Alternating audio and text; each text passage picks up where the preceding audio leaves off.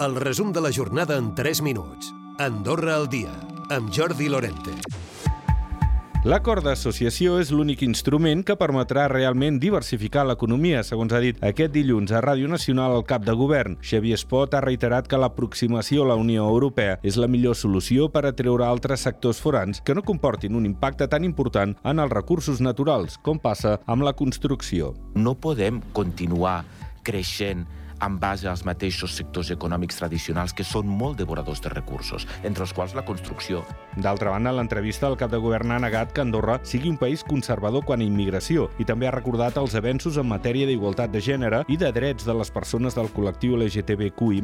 De fet, ell mateix s'ha posat com a exemple parlant de la seva orientació sexual.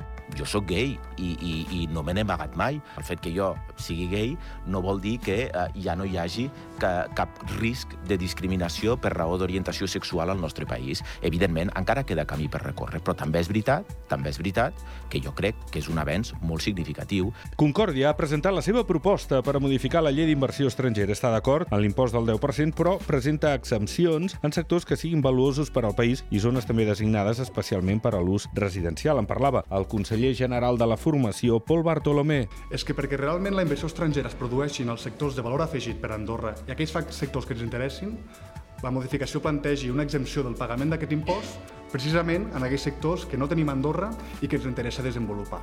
I aquest dilluns 11 de setembre ha començat oficialment el curs escolar. Arrenca amb més d'11.300 alumnes entre els tres sistemes educatius. Es tracta d'una xifra una mica superior a la de l'any passat. Un dia de molta emoció, també de molts nervis, sentiments compartits entre els nens a la tornada al col·le. Estic una mica nerviós.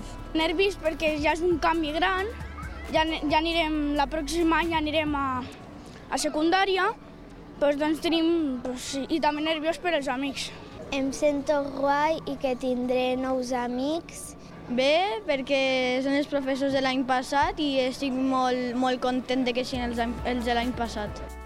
El sistema andorrà és el que s'endú un percentatge més elevat d'alumnes, xifrat en el 40%, l'espanyol en té el 35%, el francès el 30% i a la cua ha el britànic, amb un 2%. L'augment de l'activitat del sector de la construcció es nota en els residus que genera. El Ministeri de Medi Ambient comptabilitza prop de 150.000 tones procedents de tots els sectors econòmics. És un 8,6% més que el 2021, motivat precisament per les runes derivades dels treballs d'enderroc. La directora del Departament de Medi Ambient i Sostenibilitat és Sílvia Ferrer. Principalment aquest 8,6% són aproximadament unes 11.000 tones i està relacionat amb un increment de, de, de gairebé un 10% del que són la runa de construcció, la runa. Les noves matriculacions a l'agost han estat 280, gairebé un 22% menys que en el mateix mes de l'any anterior. Pel que fa als 8 mesos des de gener a agost, el descens en la matriculació de vehicles és del 15%.